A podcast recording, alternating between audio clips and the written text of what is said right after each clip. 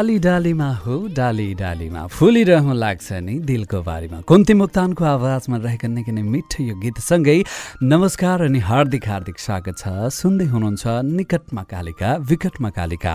हृदयको स्पन्दन निरन्तरको साथी मध्य नेपालकै सर्वोत्कृष्ट रेडियो स्टेसन कालिका एफएम पन्चानब्बे दुई र इन्टरनेट अनलाइनको Kalika news dot com Kalika एफएमको आधिकारिक फेसबुक पेज र रेडियो सुन्न मिल्ने विभिन्न एप्लिकेसनबाट यो समयमा एकैसाथ सुनिराख्नु भएको छ। कार्यक्रम कालिका विशेष र कार्यक्रम कालिका विशेषको साथमा अन गियर स्टुडियोमा तपाईँकै साथी शम्भु विके उपस्थित भइसकेको छु र यो समयमा मलाई यति बेला टेक्निकली असिस्ट मिल्दैछ साथी। जीवनको कार्यक्रम कालिका विशेषमा हामी यो समयमा आइसके पछाडि या भनौँ शम्भु आइसके पछाडि एक विशेष व्यक्तिसँगको कुराकानी पनि लिएर आउने गर्छु। र विशेष गरेर नेपाली कला क्षेत्र साहित्य क्षेत्र र गीत सङ्गीत क्षेत्रका कुराकानी र यो अलिकति नरमाइलो बेला छ विशेष गरेर सबैजना घरमा बसिराखेको बेला सबैलाई एक प्रकारको रिफ्रेसमेन्ट दिउँ र नेपाली कला क्षेत्रमा के भइरहेको छ कलाकर्मीहरू के गर्दै हुनुहुन्छ त यो जानकारी र उहाँको जीवन भोगाइका कुरा गरौँ र उहाँको अहिलेको समयको कुरा गरौँ भनेर आइसकेको छु। आज हामी हामीसँग यस्तो व्यक्ति हुनुहुन्छ जो व्यक्तिको नाम लिँदा हामी आफैलाई पनि एक प्रकारको गर्वको अनुभूति हुन्छ। नेपाली चलचित्र क्षेत्रमा आफ्नो एउटा छुट्टै पहिचान र आफ्नो एउटा छुट्टै इतिहास रहेको र विशेष गरेर आफू सानो उमेरदेखि नै नेपाली कला क्षेत्रमा चाहिँ क्रियाशील भइराख्नु भएकी नेपाली कला क्षेत्र नेपाली चलचित्र क्षेत्रको जिउँदो इतिहास पनि भन्न चाहन्छौँ हामी। मिथिला शर्माजीसँग कुराकानी गर्ने क्रममा छौँ। यो समयमा टेलिफोन सम्पर्कमा हुनुहुन्छ। हामी उहाँसँग कुराकानी गरौँ। हेलो। हेलो नमस्कार भाइ धन्यवाद। आराम हुनुहुन्छ? म एकदम ठिक छु भाइ। नयाँ वर्ष दुई हजार सतहत्तर सालको तपाईँलाई हाम्रो कालिका एफएम परिवारको तर्फबाट धेरै धेरै शुभकामना। मेरो पनि तपाईँहरू लगायत मेरा दर्शक श्रोताहरूलाई यो नयाँ वर्ष दुई हजार सतहत्तरको हार्दिक शुभकामना एक दुई दिन ढिलै भए पनि। हजुर। र अब आउने दिनहरू हामी यो फड्को मारेर यो अप्ठ्यारो परिस्थितिलाई फड्को मारेर अझ अगाडि बढ्नेछौँ जोस जाँगरका साथ पनि आशा बोकेकी छु। अब अहिलेको समयमा त अब सोध्नै नपर्ने घरमै हुनुहुन्छ होला के अरे होइन? घरमै घरमै तपाईँ मात्रै हो काममा निस्किनु भएको छ। तपाईँहरू जस्ता सञ्चारकर्मी अनि सुरक्षाकर्मी स्वास्थ्य कर्मीहरू चाहिँ विभिन्न उसमा आफ्नो कर्म क्षेत्रमा लागिरहनु भएको छ हाम्रो लागि। र हामी चाहिँ घरमै बसिरहेको छौँ। अब घरको बसाइ कस्तो हुँदैछ? अब व्यस्त व्यस्त पनि हुनुहुन्थ्यो होला। घरमा धेरै टाइम दिन पनि नपाइराखेको स्थिति थियो। कि के थियो? अहिलेको समय चाहिँ कसरी बितिरहेछ? अहिलेको समय त्यही भनिहालेँ नि। अरू बेलामा चाहिँ अलि जे पनि हतार हतार गरिन्थ्यो विभिन्न ठाउँमा भ्याउनु पर्ने भनेर हिँडिन्थ्यो। अब अहिले चाहिँ अब सबै काम आरामले गरिन्छ। बिहानदेखि हतार नगरिकन समयलाई तालमेल मिलाएर गरिन्छ। अब खास त्यही हो सबैजना जसरी घरमा बसिरहनु भएको छ म पनि त्यसरी नै बसिरहेको छु। हजुर हजुर। अब लकडाउन सुरु हुनुभन्दा अगाडिको समय भनौँ अब तपाईँको सेड्युलहरू के थिए कार्यक्रमहरू के थिए कामहरू चाहिँ दैनिक कामहरू के कस्तो हुन्छ लकडाउनको पछाडि चाहिँ अब सकिसके पछाडि चाहिँ तपाईँको? लकडाउन सकिसकेपछि त एज युजल अब मैले जसरी मेरो कामहरू अगाडि बढाइरहेको थिएँ बिहान सात बजीदेखि म बाहिर निस्केर स्कुल जान्थेँ क्लासहरू लिन्थेँ। जुन किसिमको कामहरू गरिराखेको थिएँ त्यो कामहरू बिस्तारै हुन्छ होला। अहिले म यही हुन्छ त भन्न सक्दिनँ तर त्यो कामहरू फेरि बिस्तारै आफ्नै गति लिन्छ भन्ने विश्वासमा छु म। हजुर अब यो घरमा बसाइले चाहिँ अलिकति फुर्सद पनि दिलाएको छ आफ्ना कामहरू सोच्ने आफ्ना विगतहरू सोच्ने समय पनि दिइरहेको छ। तपाईँले चाहिँ आफ्नो विगतलाई कसरी सम्झनुहुन्छ? नेपाली कला क्षेत्रमा चाहिँ कसरी लाग्यो भन्ने त धेरै मिडियामा त भनिसक्नु भएको छ। यो समयमा कालिका एफएमका दर्शक अब श्रोता सबैजनालाई चाहिँ तपाईँको सुरुवात जुन उमेरदेखि गर्नुभएको छ धेरैजनाले थाहा पाउनु भएको छ। नेपाली कला क्षेत्रको यात्रा चाहिँ कसरी सुरु भयो चाहिँ? कला क्षेत्रको यात्रा भन्दा म बाल्यकालदेखि नै रङ्गमञ्चमा उत्रेको हो नेपाल महेन्द्र पुलिस क्लब। स्वर्गीय राजा वीरेन्द्रको शुभ जन्मोत्सवको उपलक्ष्यमा एज अ पञ्चकन्याको हैसियतले चाहिँ म रङ्गमञ्चमा उत्रेको थिएँ पहिलो नृत्य गरेको थिएँ। मलाई सम्झना छ। त्यो नृत्य चाहिँ मेरो गुरु राजपाल थापा हुनुहुन्थ्यो उहाँले सिकाउनु भएको थियो र त्यसको गीत सङ्गीत चाहिँ गोपाल इन्जन सरले गर्नुभएको थियो। बागमतीको पानी छोई नेपाल आमाको नेपाल भूमिको टिकालाई भन्ने गीत थियो एउटा एकदमै राम्रो। त्यो गीतमा पञ्चकन्या भएर मैले नृत्य गरेदेखि रङ्गमञ्चमा आजको दिनसम्म आजको चलिरहेको छु। त्यस्तै चलचित्रमा चाहिँ विश्वास मैले चेतन कार्कीको विश्वास उहाँले निर्देशन गर्नुभएको विश्वासमा तिन जतिको एउटा गीत थियो। साक्षी भन्छ बा बा बाकेरीलेमा बिरालोले म्याउ म्याउ म त भन्छु आमा भन्ने किसिमको गीत। एउटा विद्यार्थीहरूसँग मैले त्यो गीत जोडेर म चलचित्र क्षेत्रमा आएँ होइन? तिन मिनट जति थियो होला बिमला राईले गाउनु भएको थियो। त्यसमा पनि गोपाल दाईकै सङ्गीत थियो। अनि चेतन कार्की सर दाईको चाहिँ रचना थियो। त्यो गीतले चाहिँ मलाई चलचित्रमा ल्यायो। रङ्गमञ्चमा थुप्रै काम गरियो। त्यो गीत गरियो त्यसपछि चाहिँ आजको दिनसम्म अब चलचित्रमा लागिरहेको छु। लकडाउन हुनुभन्दा केही दिन अगाडिसम्म पनि मेरो आमा चलचित्र चलिरहेकै ठ्याक्कै एक महिना अगाडि होइन त? रिलिज भएको थियो। नौ गते फागुनको आमा चलिरहेको थियो। नौ गते चैतमा लकडाउन सुरु भयो। हजुर। अब यसरी तपाईँ आफ्नो चलचित्र क्षेत्रको काम गरिरहँदा अहिलेको समय र अहिलेका धेरै पुस्ताहरूसँग पहिल्यैदेखि नै काम गर्दै आउनुभयो। अहिलेको अनुभवले के भन्छ? अहिलेका युवा पिँढीहरू अहिलेका न्यु कमरहरू चाहिँ नेपाली चलचित्रलाई लिएर कतिको उत्साहित हुनुहुन्छ र अहिलेको प्रविधि पनि तपाईँले के कसरी बुझिरहनु भएको छ? पहिलेको दुःख र अहिलेको दुःख अहिलेको मान्छे र पहिलाको मान्छेमा। भनेर दिनु हुँदैन जस्तो लाग्छ मलाई एउटा कामको पाटो हो कामको समय हो। सबैले आफ आफ्नो समयलाई प्रतिनिधित्व गरिराखिएका हुन्छौँ जब हामीभन्दा अग्रजहरूलाई चाहिँ हेभ सल्युट देम किनभने उनीहरूलाई हामीले सल्युट गर्नै पर्छ। एकदम हामीले उहाँहरूप्रति आभार व्यक्त गर्नुपर्छ। यदि उहाँहरूले विषम एकदम अप्ठ्यारो परिस्थितिमा जतिखेर समाज घरदेखि लिएर आफैसँग पनि कति द्वन्द्व गरेर यो क्षेत्रमा लागेर यो क्षेत्रलाई स्टाब्लिस गर्न स्थापित गराउनका लागि उहाँहरूको योगदान छ। त्यसले त्यसपछि हामीहरू आयौँ। हामीले केही सहज नै पायौँ किनभने हामीभन्दा अगाडिका अग्रज पिँढीले धेरै दुःख गर्नुभएको थियो। उहाँहरूले समाजसँग लड्नु भएको थियो। मलाई सम्झना छ म सानै थिएँ मैले सुनेको थिएँ तारा दिदीले तारा देवीले गीत गाउँदाखेरि उहाँलाई पानी बाइकट गरेको थियो अरे भनेर। त्यस्तो विषम परिस्थितिमा पनि उहाँहरू लागिरहनु भएको थियो। यो क्षेत्रमा र यो क्षेत्रलाई एउटा बाटो एउटा करि मतलब सानो गोरुटो कोरिदिने काम गर्नुभयो त्यसमा हामी हिँड्यौँ। अलिक फराकिलो बनाउने कोसिस गऱ्यौँ। अब अहिलेको भाइ बहिनीहरू चाहिँ आउँदै हुनुहुन्छ। त्योमा अलिक पिच भइसकेको। ठाउँ ठाउँमा खाल्टो होला तर धेरै सहज भइसकेको छ। जति सहज बाटो बनेको छ त्यति नै क्रिटिकल पनि छ अहिले। आफूलाई इस्टाब्लिस गर्न कम्पिटिसन छ इन्टरनेसनल लेभलमै जान्छ सबैको हेर्ने आँखाहरू फरक छ हामीलाई हेर्ने आँखाहरू भावनात्मक हुन्थ्यो आफ्नोपन हुन्थ्यो आफ्नो सम्झिएर मेरो भनेर हेरिन्थ्यो। अब अहिले कमर्सियल भएको छ त्यही किसिमले हेरिन्छ। त्यसैले कामको कम्पिटिसन झन् गाह्रो छ। अहिलेको भाइ बहिनीहरूलाई आफूलाई इस्टाब्लिस गरेर लामो समयसम्म लगिरहनको लागि चाहिँ धेरै मिहिनेत गर्नुपर्ने देखेको छु मैले। र हामीले त जे जति गऱ्यौँ हाम्रो समयमा हामीले जस्तो गर्न सक्थ्यौँ गऱ्यौँ अब टेक्निकल कुरा गर्नुहुन्छ भने सुरुमा आएको प्रविधि र अहिले त आकाश जमिनै फरक छ होइन? अब त्यो अहिलेको प्रविधिमा जति सजिलो छ त्यति नै गाह्रो पनि छ।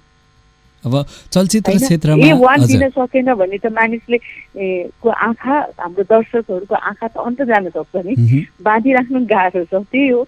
समयसँग सबै चिजको परिवर्तन हुन्छ। समाजको सोच पनि परिवर्तन हुन्छ। तपाईँको काम गराइ पनि परिवर्तन हुन्छ। तपाईँलाई हेर्ने हेराइहरू पनि परिवर्तन हुन्छ।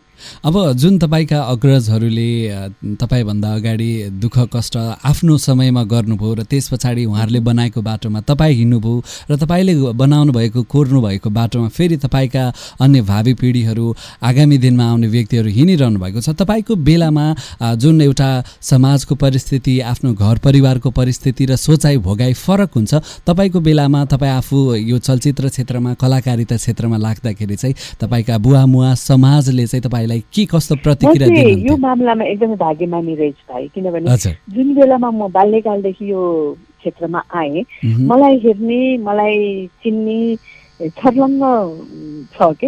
म यही क्षेत्रमै बढ्दै हुर्किँदै बुढी हुँदैछु भनौँ न अझ म आफै यही क्षेत्रमै हुर्केँ अब मलाई सानैदेखि देख्ने आँखाहरू पनि छ बिचबाट देख्ने आँखाहरू पनि छ अब पछि देख्ने आँखाहरू पनि पाउँछु भन्ने म आशा गर्छु होइन? के छ भने अब मैले सुरु गर्दा मैले मेरो अग्रजहरू मेरो परिवार मेरो गुरुजन र मसँग काम गर्ने सहकर्मी साथीभाइ देखि लिएर मेरो श्रोता दर्शकहरूको एकदमै राम्रो साथ पाएँ। उहाँहरूले मलाई सधैँ हौसला दिनुभयो र मेरा कामहरूलाई उहाँहरूले रुचाइदिनु भयो जसले गर्दाखेरि मैले यो क्षेत्रमा आजको दिनसम्म पनि कन्टिन्यू लागिराख्न सकिरहेछु यसलाई निरन्तरता दिन सकिरहेको छु यो भनेको सबैको साथले नै हो। मलाई कहिल्यै लागेन कि म यो क्षेत्रमा किन आएँ मैले किन यो क्षेत्रमा काम गरेँ भनेर। मलाई जहिले पनि एउटा हौसला र ऊर्जा नै मैले पाएको छु।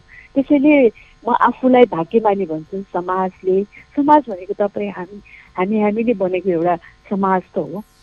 होइन समाजलेदेखि लिएर आफ्नो काम गर्ने वातावरणदेखि लिएर सबै मैले एकदम राम्रो पाएको भएर आजको दिनसम्म म यो क्षेत्रमा लागि नै रहेको छु हजुर। अब पर्टिकुलरली भन्नुपर्दा तपाईँको बुवा मम्मीको प्रतिक्रिया चाहिँ तपाईँ यो क्षेत्रमा लाग्दा कतिको हौसला दिने हुन्छ नि? बुवा अलिक साधनमै बित्नु भयो मलाई यो क्षेत्रमा लागेर निरन्तर काम गर्ने एकदमै मेरो ब्याकबोन भनौँ मलाई एकदम सपोर्ट गर्ने चाहिँ मेरो दिदी मधुरिका शर्मा हो। त्यसपछि मेरो साथीहरू चन्दा शशी बिन्दा यिनीहरू मेरा एकदमै सहयोगी साथीहरू भए।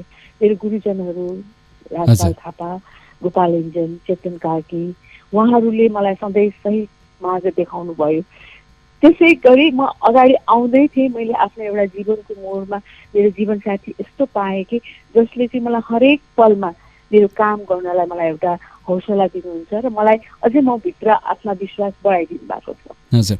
अब तपाईँ नेपाली चलचित्रमा लागे सँगसँगै तपाईँ एउटा धेरैको आइडल पनि बन्नु भएको छ।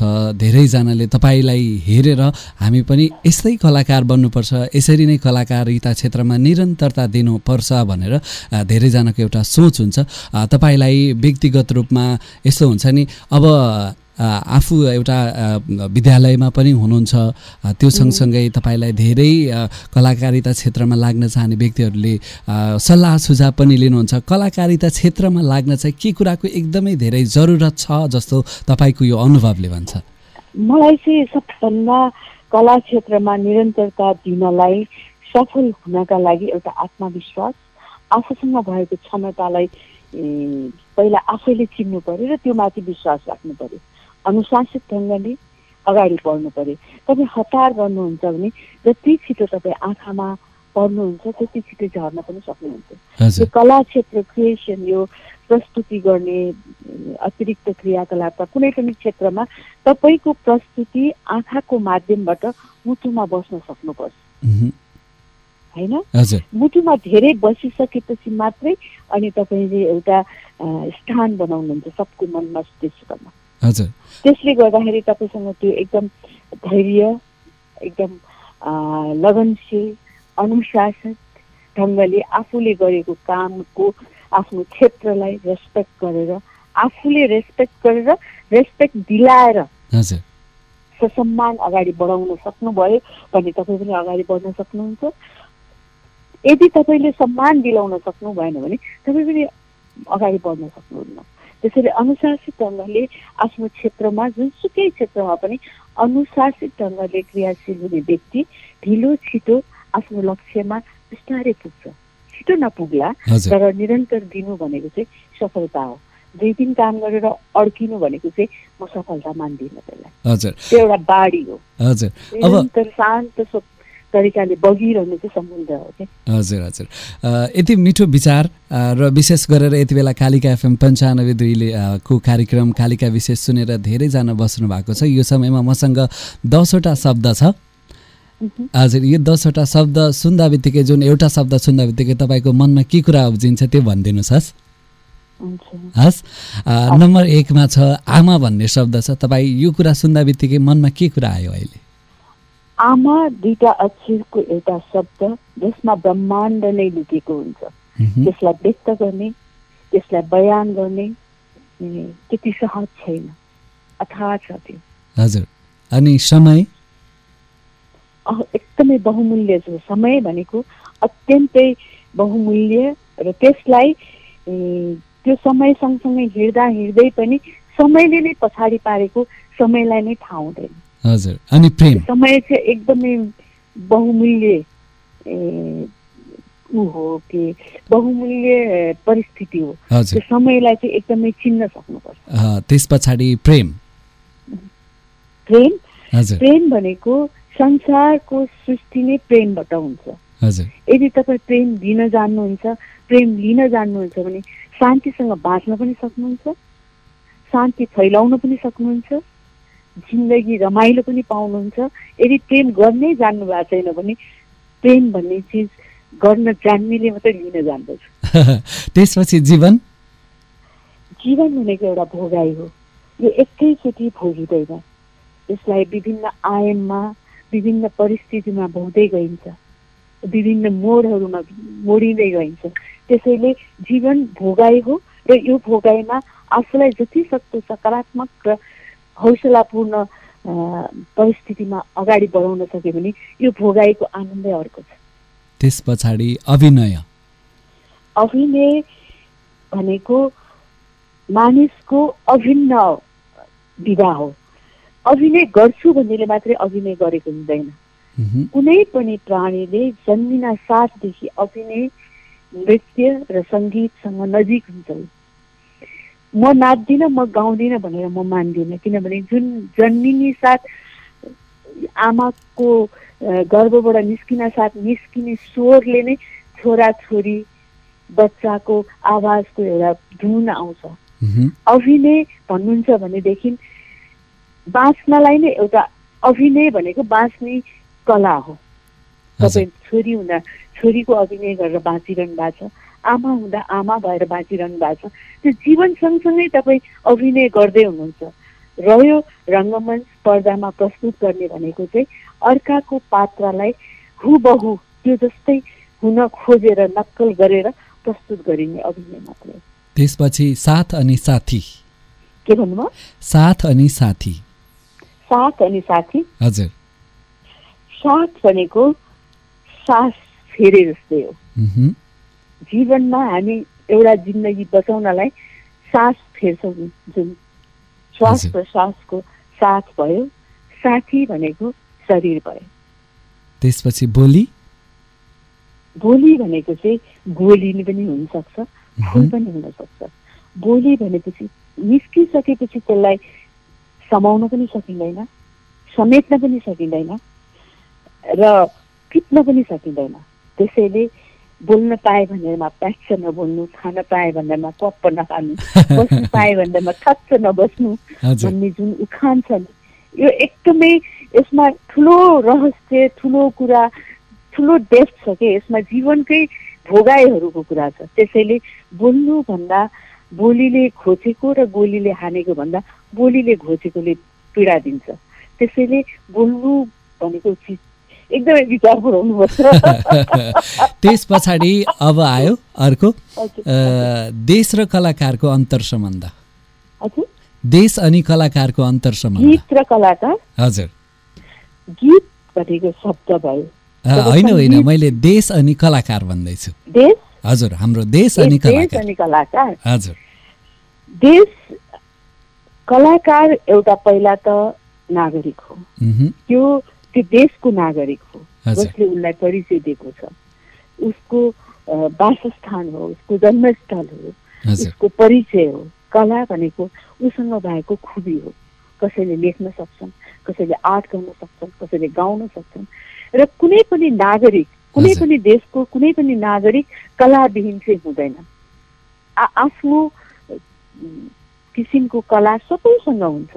तर कलाले देशलाई अन्तर्राष्ट्रिय स्तरमा कलाले चाहिँ आफ्नो एउटा छुट्टै पहिचान दिलाउँछ। देश विभिन्न हुन्छ। त्यस्तै कलाको आफ्नो महत्त्व र आफ्नो परिचय हुन्छ। त्यसैले कलाले देशलाई अन्तर्राष्ट्रिय स्तरमा पनि छुट्टै आफ्नो पहिचान दिलाउँछ। पाँचवटा देश सँगै आएको छ। नाम नभनिकन कला मात्रै अगाडि गयो भने पनि यो फलानु देशको हो भनेर छुट्टै परि- परिचय दिलाउन सक्छ। कला र देश चाहिँ नम्र मासु जस्तै। अब दस नम्बरको एउटा शब्द छ अबको हजुरको योजना। के भन्दा अबको हजुरको आगामी दिनको योजना। अब मैले बुझेँ अब जुन दिनहरू आउँदैछन् अबका बाँकी दिनहरूमा दिनहरू? हजुरको योजना हजुर। मेरो योजना। अबको दिन भनेको आजको दिनदेखि भोलिको दिन पनि अबको दिन हुन्छ होइन? अबको। भनेको क्षणमा पनि जान्छ। अबको दिनहरू भनेको अहिलेको समयमा यो विषम परिस्थितिमा अन्तर्राष्ट्रिय स्तरमा एउटा लडाइँ लडिरहेको छ मानव जातिले। यहाँ अहिले देश मान्छे जात जाति भन्दा पनि संसारभरका मानवहरू एउटा लडाइँमा घुमिएको छ। जुन चिजसँग बाँच्नका लागि मबाट म सुरक्षित रहेर हामीलाई सुरक्षित पार्नुपर्छ। किनभने म सुरक्षित रहे भने हामी भन्नाले हाम्रा परिवार समाज देश र त्यो हामीको म चाहिँ संसारै हो। त्यसैले। पहिला मैले म आफू सुरक्षित रहेर हामीलाई सुरक्षित पार्ने योजनामा छु। अबको योजना धन्यवाद। मिथिला म्याम सुन्नु न तपाईँसँग बोलिराख्दाखेरि मलाई यहाँ के भान भइरहेछ भन्दा मलाई कसैले प्रवचन सुनाइरहेछ कसैले राम्रा कुरा भनिरहेछ। Oh। त्यो खालको एउटा अनुभूति के होइन? मलाई तपाईँले यो दसवटा प्रश्न यसरी गर्नुहुन्छ थाहै छैन म पर्सिरहेको छु। पास कि फेल भनेर। मलाई चाहिँ कस्तो भान भइरहेछ भन्दा मलाई कसैले एकदम शुभ भाव मेरो मान्छे आफ्नै मान्छे कोही हुनुहुन्छ अनि पछाडिबाट सम्झाइरहनु भएको छ जस्तो कि त्यो खालको अनुभूति आइरहेको।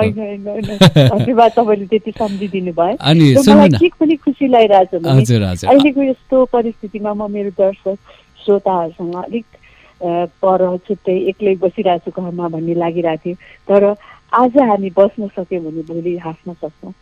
भोलि हाँस्नको लागि आज बाँच्नु पर्यो। त्यसैले सबैले आ आफूले म भएर हामीलाई बचाउने कोसिस गऱ्यौँ भनेदेखि यो कोरोना भाइरसको जुन अहिले लडाइँमा हामी घुमिएका छौँ यसबाट हामी अगाडि बढ्न सक्छौँ।